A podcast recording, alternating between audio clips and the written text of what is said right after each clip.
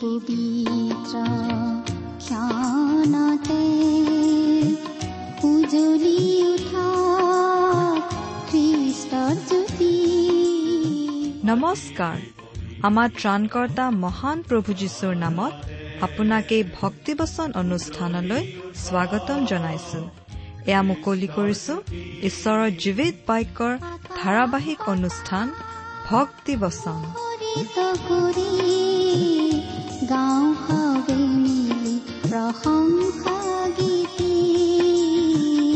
গাওঁ সবে মিলি প্ৰশংসা গীতি আজিৰে পবিত্ৰ ক্ষণতে উজলি উঠা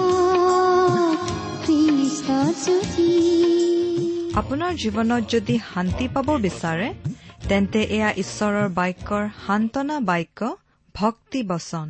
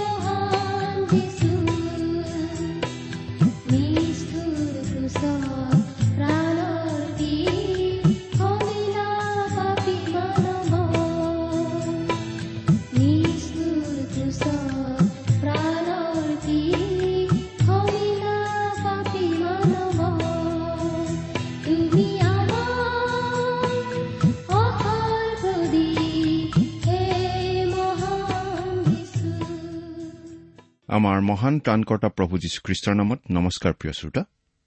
আশা কৰো আপুনি আমাৰ মহান পিতা পৰমেশ্বৰৰ মহান অনুগ্ৰহত ভালে কুশলে আছে। লগতে এই বুলিও আশা কৰিছো যে আপুনি আমাৰ এই ভক্তিবচন অনুষ্ঠানটো নিয়মিতভাৱে শুনি আছে। আমাৰ বহুতো শ্ৰোতাই আমালৈ চিঠি পত্ৰ লিখি থাকে আৰু এই অনুষ্ঠান শুনি তেওঁলোকে উপকৃত হোৱা বুলিও আমাক জনায় আৰু তেনেকুৱা চিঠিবোৰে আমাক কাম কৰি যাবলৈ যথেষ্ট উৎসাহ যোগায়। আপুনিও আমালৈ দুষাৰিমান লিখি পঠিয়াবচোন। এই অনুষ্ঠান সম্বন্ধে আপোনাৰ মতামত জনাই দুষাৰিমান আজিয়ে লিখি নপঠিয়াই কিয়? আমাৰ ঠিকনা? ভক্তি বচন টি ডাব্লিউ আৰ ইণ্ডিয়া ডাক বাকচ নম্বৰ সাত শূন্য গুৱাহাটী সাত আঠ এক শূন্য শূন্য এক।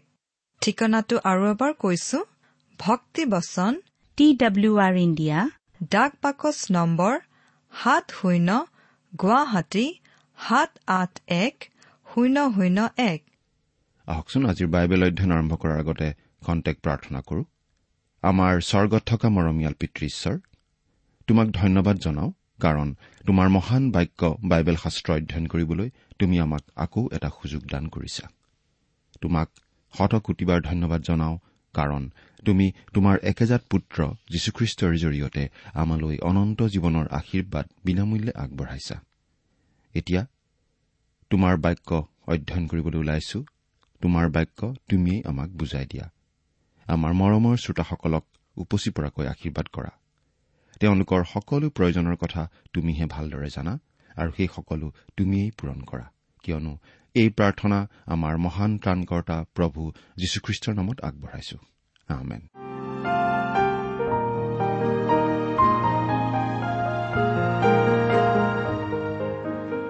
প্ৰিয় শ্ৰোতা আপুনি বাৰু আমাৰ এই ভক্তিবচন অনুষ্ঠানটো নিয়মিতভাৱে শুনি আছেনে? আপুনি যদিহে আমাৰ এই অনুষ্ঠানটো নিয়মিতভাৱে শুনি আছে তেনেহলে আপুনি নিশ্চয় এই কথা জানে যে আমি এতিয়া বাইবেলৰ নতুন নিয়ম খণ্ডৰ ইব্ৰীবিলাকৰ প্ৰতি পত্ৰ নামৰ পুস্তকখন অধ্যয়ন কৰি আছো। নহয় জানো? আপুনি আমাৰ যোৱা অনুষ্ঠানটো শুনিছিল নে বাৰু? আমি বাৰু কি আলোচনা কৰিছিলো? আপোনাৰ মনত আছেনে? যোৱা অনুষ্ঠানত আমি এই ইব্ৰী পুস্তকখনৰ দুই নম্বৰ অধ্যায়ৰ ন নম্বৰ পদলৈকে পাঠ কৰি আমাৰ আলোচনা আগবঢ়াইছিলো। গতিকে আজিৰ অনুষ্ঠানত আমি এই ইব্ৰী পুস্তকখনৰ দুই নম্বৰ অধ্যায়ৰ দহ নম্বৰ পদৰ পৰা আমাৰ আলোচনা আগবঢ়াই নিম। এই ইব্ৰী পুস্তকখন হৈছে এখন চিঠি। ইব্ৰী অৰ্থাৎ যিহুদী খ্ৰীষ্টীয় বিশ্বাসীসকললৈ লিখা এখন চিঠি। কিন্তু ইয়াৰ যোগেদি আজি আমি শিকিবলগীয়া অনেক কথা আছে। প্ৰিয় শ্ৰোতা আমি এতিয়া এই ইব্ৰী দুই নম্বৰ অধ্যায়ত প্ৰভু যীশুৰ মাহাত্মৰ কথাই আলোচনা কৰি আছো। প্ৰভু যীশু স্বয়ং ঈশ্বৰ হোৱা স্বত্তেও মানুহৰূপে এই পৃথিৱীলৈ আহিল। তেওঁ মানুহ হ'ল আৰু মানুহৰ হৈ মৃত্যুৰ সোৱাদ তেওঁ ললে যাতে ঈশ্বৰৰ অনুগ্ৰহত মানুহে পৰিত্ৰাণ লাভ কৰিব পাৰে। এতিয়া আমি দুই নম্বৰ অধ্যায়ৰ দহ নম্বৰ পদটো পাঠ কৰি দিব খুজিছো। আপোনাৰ লগত বাইবেল আছেনে? যদিহে আছে অনুগ্ৰহ কৰি চাই যাব। আৰু যদিহে আপোনাৰ লগত বাইবেল নাই অনুগ্ৰহ কৰি মন দি শুনিব। ইব্ৰী দুই নম্বৰ অধ্যায়ৰ দহ নম্বৰ পদ। ইয়াত এনেদৰে লিখা আছে কিয়নো যিজনাৰ কাৰণে আৰু যিজনাৰ দ্বাৰাই সকলো হ'ল তেওঁ অনেক পুত্ৰক প্ৰতাপলৈ আনোতে যে তেওঁবিলাকৰ পৰিত্ৰাণৰ আদিকৰ্তাক দুখ ভোগৰ দ্বাৰাই সিদ্ধ কৰে এয়ে তেওঁৰ উপযুক্ত আছিল। যীশু এজন মানুহ নহয়। যিজনৰ ওপৰত ঈশ্বৰে কিবা আচৰিত কাম কৰিলে। যীশু যে মানৱ ৰূপত এই পৃথিৱীলৈ আহিল। তাৰ মানে এইটো নহয় যে তেওঁ এজন অতি প্ৰতিভাৱান ধৰ্মগুৰু আছিল। তেওঁ কোনো এটা সৎ আদৰ্শৰ বাবে মৃত্যুবৰণ কৰা এজন শ্বহীদো নহয়। তেওঁ মানুহৰ বাবে এটা আদৰ্শ ৰাখিবলৈহে আহিছিল বুলি আমি ক'ব নোৱাৰো। খ্ৰীষ্ট যে ঈশ্বৰ হৈও মানৱ ৰূপ ধাৰণ কৰি অপমানিত হ'ল। তাৰ দ্বাৰা আচলতে দুটা কথা সম্পন্ন হ'ল। প্ৰথমটো হৈছে এই সকলোখিনি কাৰ্যই যীশু বোলা ব্যক্তিজনলৈ গৌৰৱ আৰু সন্মান কঢ়িয়াই আনিলে। আৰু দ্বিতীয়টো হৈছে এই কাৰ্যই মানুহৰ বাবে পৰিত্ৰাণ বা মুক্তি অৰ্জন কৰিলে আৰু মানুহৰ বাবে মুক্তি সম্ভৱপৰ কৰি তুলিলে। খ্ৰীষ্টই মানৱীয়তা স্বৰ্গলৈ তুলি লৈ গ'ল। গতিকে আজি আমি গৌৰৱময় মানুহ অৰ্থাৎ যীশুকো পাইছো আৰু সেই মানুহৰূপী গৌৰৱময় প্ৰভু যীশুত আজি এনে গৌৰৱ আৰু মহিমা আছে যিটো আগতে নাছিল। এইয়ে তেওঁৰ উপযুক্ত আছিল। অৰ্থাৎ এই সকলো সমাদৰ আৰু সন্মান লাভ কৰাৰ তেওঁ উপযুক্ত আছিল আৰু তেওঁত বিশ্বাস কৰা লোকসকলক এনেদৰে উদ্ধাৰ কৰি গৌৰৱময় অৱস্থালৈ নিয়া কাৰ্যটো তেওঁৰ ব্যক্তিত্ব আৰু তেওঁৰ আঁচনি আৰু পৰিকল্পনাৰ সৈতে খাপ খোৱা কথাই আছিল। কিয়নো যিজনাৰ কাৰণে আৰু যিজনাৰ দ্বাৰাই সকলো হ'ল। প্ৰভু যীশুখ্ৰীষ্টই সকলো সৃষ্টি কৰিছিল আৰু সকলোবোৰ তেওঁৰ নিমিত্তেই সৃষ্টি কৰা হৈছিল। এই বিশ্ব ব্ৰহ্মাণ্ডখননো কিয় বৰ্তি আছে বা কিয় সৃষ্টি কৰা হৈছে বুলি যদি আপুনি জানিব খোজে? তেনেহলে তাৰ উত্তৰ এটাই এই সকলোবোৰ আছে আৰু হৈছে। যীশুখ্ৰীষ্টই এনেদৰে হোৱাটো ইচ্ছা কৰাৰ কাৰণে আৰু এয়া তেওঁৰ ইচ্ছা। এই বিশ্ব ব্ৰহ্মাণ্ডখনৰ মূল আচলতে সেইটোৱেই। অৰ্থাৎ গোটেই বিশ্ব ব্ৰহ্মাণ্ডখনৰ আৰম্ভণি ঘটিছে প্ৰভু যীশুখ্ৰীষ্টৰ মনত। তেওঁ ইচ্ছা কৰিলে বাবেই সকলো সৃষ্টি কৰিলে। তেওঁ অনেক পুত্ৰক প্ৰতাপলৈ আনোতে। এইটোৱেই বৰ্তমান কালৰ বাবে ঈশ্বৰৰ বিশেষ ইচ্ছা আৰু আঁচনি। কিন্তু চিউন পৰ্বতত ঈশ্বৰে তেওঁৰ পবিত্ৰজনাক ৰজা হিচাপে স্থাপন কৰাৰ যোগেদি ঈশ্বৰৰ এটা ভৱিষ্যত পৰিকল্পনা আৰু আঁচনিও আছে। ভৱিষ্যতৰ সেই আঁচনি ৰূপায়ণ কৰিবলৈ ঈশ্বৰ আগবাঢ়ি গৈ আছে। কিন্তু বৰ্তমান কালত তেওঁ নিজৰ নিমিত্তে এক বিশেষ লোক সৃষ্টি কৰিবলৈ মানুহবোৰ আমন্ত্ৰণ জনাই আছে। তেওঁ আজি বহুতো সন্তান গৌৰৱৰ স্থানলৈ আহান কৰি আছে। এজন মানুহে তেওঁৰ এনেধৰণৰ অভিজ্ঞতা এটা বৰ্ণনা কৰিছিল। মই কিছু সময় আগতে এজন ডেকাৰ পৰা অহা চিঠি এখন পঢ়িলো। সেই ডেকাজন ৰাগিয়াল দ্ৰব্য সেৱন কৰি কৰি যিমান তললৈ যাব পাৰে সিমান তললৈ গৈছিল আৰু জেলতো কিছুকাল কটাব লগা হৈছিল। কিন্তু এতিয়া তেওঁক প্ৰভু যীশুৱে উদ্ধাৰ কৰিলে। তেওঁ এতিয়া নতুন মানুহ হ'ল। এনেকুৱা ঘটনা আমি পৃথিৱীৰ চাৰিওফালে ঘটি থকা দেখিবলৈ পাইছো। ঈশ্বৰে আজিও তেওঁৰ নামৰ নিমিত্তে মানুহবোৰক আহান জনাই আছে। বহুতো সন্তানক তেওঁ গৌৰৱৰ কাৰণে আহান জনাই আছে। বহুতক তেওঁ গৌৰৱান্বিত কৰি আছে। তেওঁবিলাকৰ পৰিত্ৰাণৰ আদিকৰ্তাক দুখভোগৰ দ্বাৰাই সিদ্ধ কৰে। এই আদিকৰ্তা বুলি বুজোৱা শব্দটো আকৌ আমি পাওঁ বাৰ নম্বৰ অধ্যায়ৰ দুই নম্বৰ পদত। সেই একেটা শব্দ আকৌ পাচনি কৰ্ম তিনি নম্বৰ অধ্যায়ৰ পোন্ধৰ নম্বৰ পদত আমি অধিকাৰী বুলি পঢ়িবলৈ পাওঁ। অৰ্থাৎ ইয়াৰ অৰ্থ হৈছে উদ্ভাৱন কৰোতা উৎপত্তি কৰোতা অথবা নেতা।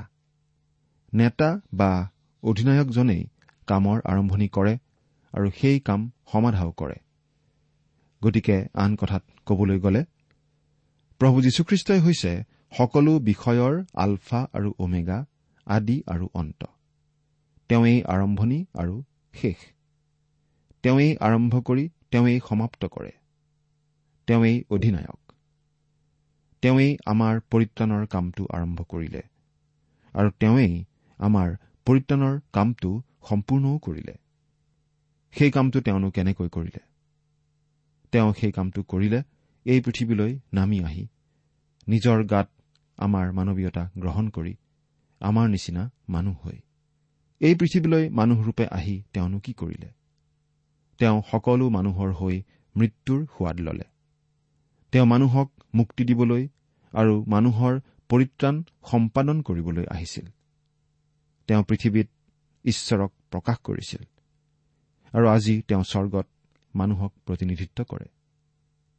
আমি এই বিষয়টো বিশেষভাৱে পঢ়িবলৈ পাম যেতিয়া আমি প্ৰভু যীশু যে মহাপুৰোহিত তেওঁ যে নিত্য পুৰোহিত সেই বিষয়টো আলোচনা কৰিম। দুখভোগৰ যোগেদি সিদ্ধ। তেওঁ সিদ্ধ হবৰ প্ৰয়োজন নিশ্চয় নাই কাৰণ তেওঁ স্বয়ং ঈশ্বৰ আৰু সেয়ে তেওঁ শুদ্ধ সিদ্ধ পবিত্ৰ। কিন্তু সিদ্ধ মানে সম্পূৰ্ণ কৰাৰ কথাটোহে ইয়াত আচলতে বুজোৱা হৈছে। এই শব্দটো গ্ৰীক ভাষাৰ টেলেইয়ু নামৰ শব্দৰ পৰা আহিছে। আৰু এই টেলেইয়ু শব্দটোৰ অৰ্থ হৈছে লক্ষ্যত উপনীত কৰোৱা কাম সম্পূৰ্ণ কৰা সিদ্ধ কৰা। সেই দুখভোগৰ জৰিয়তে তেওঁৰ কাম সিদ্ধ হ'ল। যদিও তেওঁ ঈশপুত্ৰ আৰু নিজেই ঈশ্বৰ তেওঁৰ সেই শুদ্ধ সিদ্ধ পবিত্ৰ জীৱনে আমাক পৰিত্ৰাণ দিব নোৱাৰে পৰা নাছিল। তেওঁ যে কুমাৰী মৰিয়মৰ গৰ্ভত জন্ম ললে সেই কথাটোৱেও আমাক আচলতে পৰিত্ৰাণ দিব নোৱাৰে। আচলতে তেওঁ যি যি কথা শিকাই থৈ গ'ল সেই কথাবোৰেও আমাক পৰিত্ৰাণ দিব নোৱাৰে। তেওঁ যি যি অলৌকিক কাম সম্পন্ন কৰিছিল তেওঁৰ সেই অলৌকিক কামবোৰেও আমাক পৰিত্ৰাণ দিব নোৱাৰে। তেওঁৰ জীৱনৰ যি আদৰ্শ সেই মহান আদৰ্শসমূহেও মানুহক পৰিত্ৰাণ দিব নোৱাৰে। আচলতে ক্ৰুচৰ ওপৰত প্ৰভু যীশুৱে যি মৃত্যুবৰণ কৰিলে সেই ক্ৰুচীয় মৃত্যুৱেহে আমাক প্ৰতিজন মানৱক পৰিত্ৰাণ দিব পাৰে। তেওঁক সিদ্ধ কৰা হ'ল।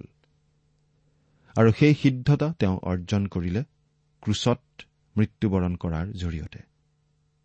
যদিহে আপুনি আজি মোক এই বুলি পতিয়ান নিয়াব পাৰে যে ঈশ্বৰে মানুহৰ পৰা আঁতৰি থাকিবলৈ সিদ্ধান্ত লৈছে আৰু পাপত হেৰাই থকা এই পৃথিৱীখনৰ কাৰণে। তেওঁ এটা কামেই কৰিলে। মানুহবিলাকৰ মাজলৈ বাইবেলখন পঠিয়াই দিলে আৰু স্বৰ্গৰ পৰা তললৈ পৃথিৱীত থকা মানুহবিলাকলৈ চাই চাই তেওঁ কয় বৰ বেয়া কথা। তোমালোক যে ইমান দুখ লগা অৱস্থাত আছা এই কিতাপখন লোৱা। আশা কৰো তোমালোকে সেইখন পঢ়ি কিছু কথা শিকিবা আৰু কিছু কষ্ট কৰি উদ্ধাৰ পাবলৈ চেষ্টা কৰিবা। হয়তো উদ্ধাৰ পাবলৈ সমৰ্থ হ'ব পাৰিবা। যদিহে ঈশ্বৰে তেনেদৰে কৈ থকা বুলি বা কৈছে বুলি আপুনি মোক পতিয়ন নিয়াব পাৰে তেনে ক্ষেত্ৰত তেওঁৰ প্ৰতি পিঠি দিবলৈ মই সাজু আছো। কিন্তু ঈশ্বৰে তেনেকুৱা কৰা নাই। সেই কাম ঈশ্বৰে কৰা নাই। ঈশ্বৰে তেনে ব্যৱহাৰ কৰা নাই। তেওঁ এই পৃথিৱীলৈ নামি আহিল আৰু নিজৰ ওপৰত আমাৰ মানৱ ৰূপ ললে। যিহেতু তেওঁ ক্ৰুচৰ ওপৰত আমাৰ হকে কষ্ট কৰিলে আৰু মৃত্যুবৰণ কৰিলে। গতিকে তেওঁক ভৰসা কৰিবলৈ মই সাজু আছো। তেওঁ মোৰ কাৰণে আৰু পাপত হেৰাই থকা মানৱ জাতিৰ কাৰণে যিখিনি ত্যাগ কৰিলে যি প্ৰেম দেখুৱালে ক্ৰুচত মৰি দি তাৰ বাবে তেওঁক প্ৰেম কৰিবলৈ মই প্ৰস্তুত। এই বুলি বাৰু আপুনিও ক'ব পাৰেনে? এঘাৰ নম্বৰ পদ। কাৰণ যিজনে পবিত্ৰ কৰে আৰু যিবিলাকক পবিত্ৰ কৰা হয় সেই সকলো একেজনাৰ পৰাহে হয়। কাৰণ যিজনে পবিত্ৰ কৰে। পবিত্ৰ কৰা মানে সাধাৰণতে মানুহে যি বুজে ঠিক তেনে এটা অৰ্থ ইয়াত বুজোৱা হোৱা নাই। বহু সময়ত আমি এই বুলি ভাবো যে পবিত্ৰ হোৱাৰ অৰ্থ হৈছে সুন্দৰ মৰম লগা কণমানি ল'ৰা এটাৰ নিচিনা হোৱা। কিন্তু পবিত্ৰ আত্মাই আমাক পবিত্ৰ কৰাৰ কথা কওঁতে আচলতে আমাৰ জীৱনত ঈশ্বৰৰ কাৰ্যৰ কথা বুজোৱা হয়। এই পৃথিৱীত তেওঁৰ উপযুক্ত প্ৰতিনিধি হিচাপে গঢ়িবলৈ ঈশ্বৰে আমাৰ জীৱনত বিশেষভাৱে যি কাৰ্য কৰে সেই কাৰ্যকেই পবিত্ৰীকৰণ বুলি ক'ব পাৰি। এই কাৰ্য হৈছে প্ৰভু যীশুক বিশ্বাস কৰি মুক্তি লাভ কৰা লোকৰ হৃদয়ত পবিত্ৰ আত্মাই কৰা কাৰ্য। কিন্তু যেতিয়া প্ৰভু যীশুৰ ব্যক্তিত্বৰ ক্ষেত্ৰত এই পবিত্ৰীকৰণৰ কথাটো ব্যৱহাৰ কৰা হয় তেতিয়াও আমি সম্পূৰ্ণ শুদ্ধ সিদ্ধ অৱস্থা লাভ কৰাটো বুজোৱা নহয়। এই ইব্ৰী পুস্তকত প্ৰভু যীশুৱে আমাক পবিত্ৰ কৰে বুলি কওঁতেও তেনে অৰ্থ বুজোৱা হোৱা নাই। এই কথাটোৱে এটা অৱস্থাক নুবুজায় এটা স্থান বা অৱস্থিতিকহে বুজায়।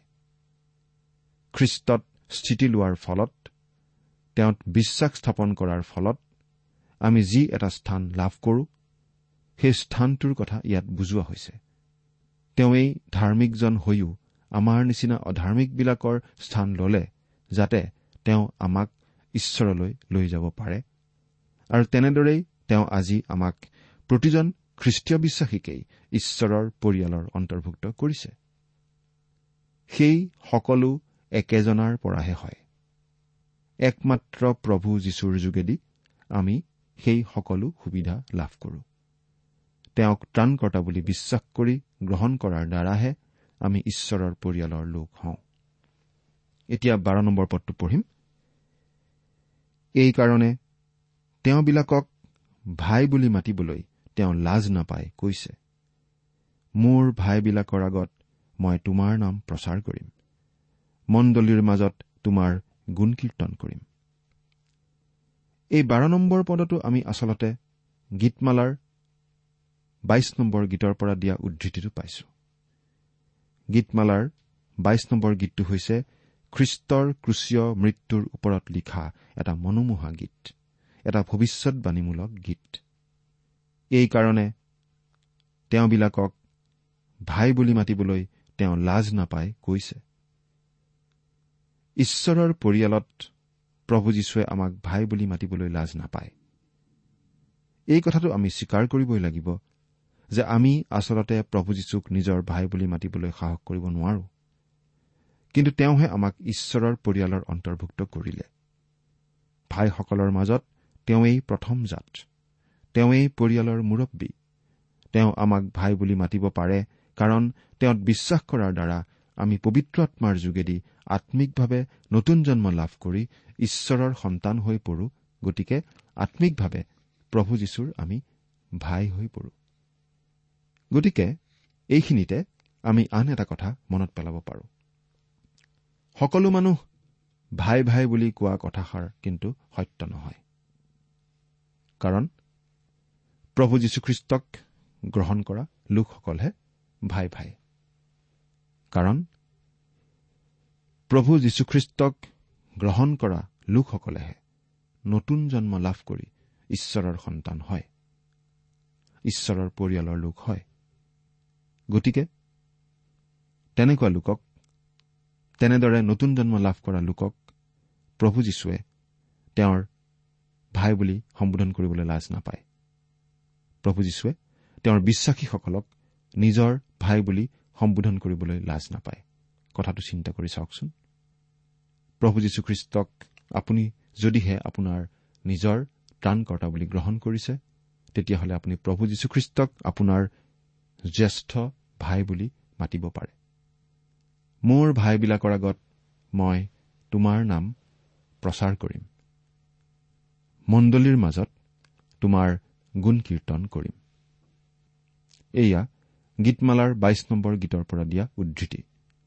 গীতমালাৰ বাইশ নম্বৰ গীতটোৰ প্ৰথম অংশত আমি পাওঁ খ্ৰীষ্টই সহন কৰা অপমানৰ কথা আৰু খ্ৰীষ্টই ক্ৰুচৰ পৰা কোৱা সাতটা উক্তি আমি আচলতে সেই ভাৱবাণীমূলক গীতটোতেই পাওঁ। কিন্তু সেই গীতটোৰ বাইশ নম্বৰ পদৰ পৰা আমি পাওঁ খ্ৰীষ্টই লাভ কৰা গৌৰৱ মহিমা আৰু প্ৰশংসাৰ কথা।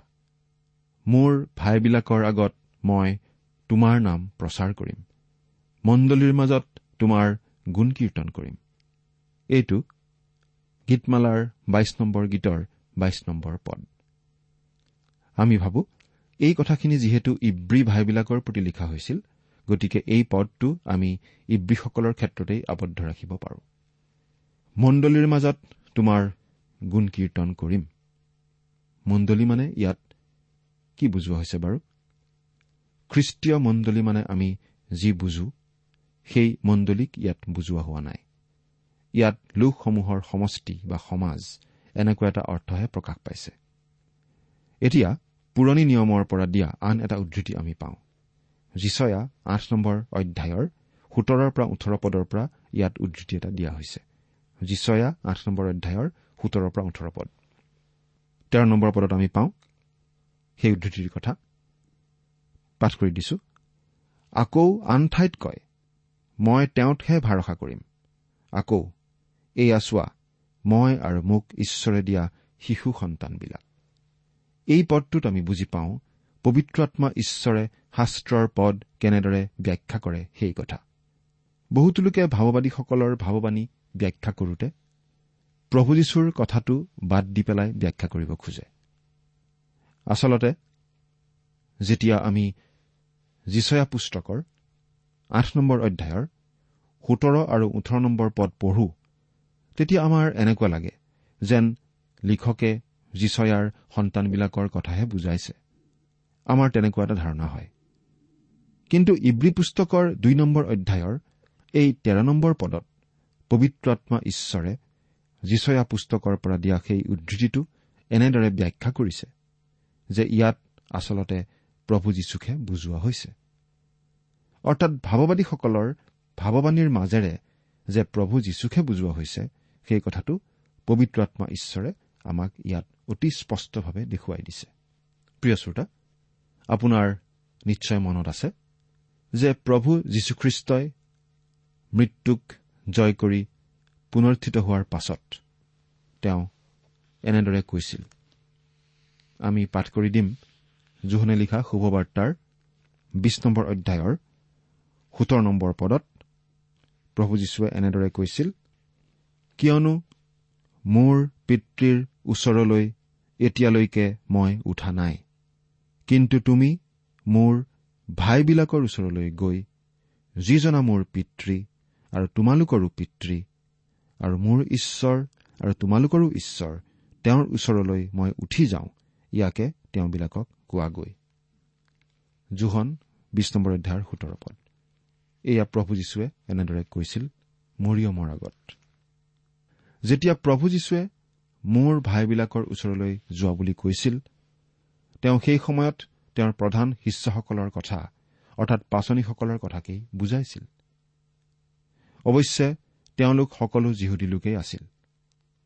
এই কথাটো আমি বাৰে বাৰে জোৰ দি এইকাৰণেই কৈছো কাৰণ এই পত্ৰখন আচলতে ইব্ৰী লোকসকলৰ বাবেই যে লিখা হৈছিল সেই কথাটো আমি পাহৰি যোৱা উচিত নহ'ব। তেতিয়াহে আমি কথাবোৰৰ সঠিক আৰু শুদ্ধ ব্যাখ্যা আগবঢ়াব পাৰিম যাতে আমাৰ জীৱনত সেইবোৰ প্ৰয়োগ কৰিব পাৰো। মোক ঈশ্বৰে দিয়া শিশু সন্তানবিলাক। প্ৰভু যীশুত বিশ্বাস কৰা প্ৰতিজন লোকেই পবিত্ৰ আত্মাৰ শক্তিৰে আম্মিকভাৱে নতুন জন্ম লাভ কৰে আৰু ঈশ্বৰৰ আম্মিক সন্তান হৈ পৰে। প্ৰভু যীশুৰ ওচৰলৈ অহা প্ৰতিজন লোকেই একো একোজন শিশু সন্তানৰ নিচিনা। এনেদৰে আজিও অনেক লোকে আম্মিকভাৱে নতুন জন্ম পাই আহিছে। আম্মিকভাৱে ঈশ্বৰৰ পৰিয়ালৰ সদস্য হৈ আহিছে। প্ৰিয় শ্ৰোতা আপুনি বাৰু ঈশ্বৰৰ পৰিয়ালৰ লোক নে? চিন্তা কৰি চাওকচোন। ঈশ্বৰে আপোনাক আশীৰ্বাদ কৰক।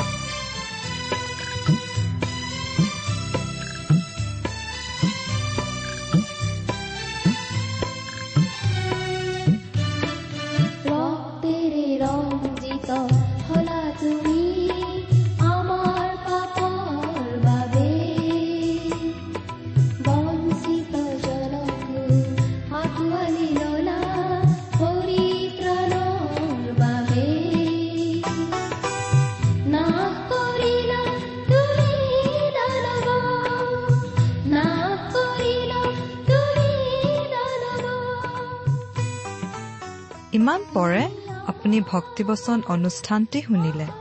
অনুষ্ঠানটি শুনি কেনে পালে? আমালৈ চিঠি লিখি জনাবচোন। অনুষ্ঠানত প্ৰচাৰ কৰা কোনো কথা বুজিব লগা থাকিলেও আমালৈ লিখক। আমাৰ ঠিকনা ভক্তিবচন টি ডাব্লিউ আৰ ইণ্ডিয়া।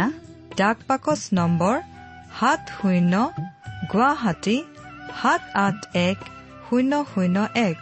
ঠিকনাটো আৰু এবাৰ কৈছো ভক্তিবচন টি ডাব্লিউ আৰ ইণ্ডিয়া ডাক বাকচ নম্বৰ সাত শূন্য গুৱাহাটী সাত আঠ এক শূন্য শূন্য এক। আপুনি ইমেইল যোগেৰেও আমাৰ সৈতে যোগাযোগ কৰিব পাৰে। আমাৰ ইমেইল আইডিটো হৈছে Assamese T TV at radio' eight eight two dot com. আইডিটো আকৌ এবাৰ কৈছো। Assamese T TV at radio' eight eight two dot com. আপুনি টেলিফোনৰ মাধ্যমেৰেও আমাক যোগাযোগ কৰিব পাৰে। আমাৰ টেলিফোন নম্বৰটো হৈছে শূন্য তিনি ছয় এক দুই ছয় শূন্য চাৰি ছয় সাত এক। ফোন নম্বৰটো আকৌ এবাৰ কৈছো zero' three six one two six zero' four six seven one. আজিৰ অনুষ্ঠানটি ইমানতে সামৰিছো। ঈশ্বৰৰ শান্তি আৰু অনুগ্ৰহ আপোনাৰ লগত থাকক। ধন্যবাদ।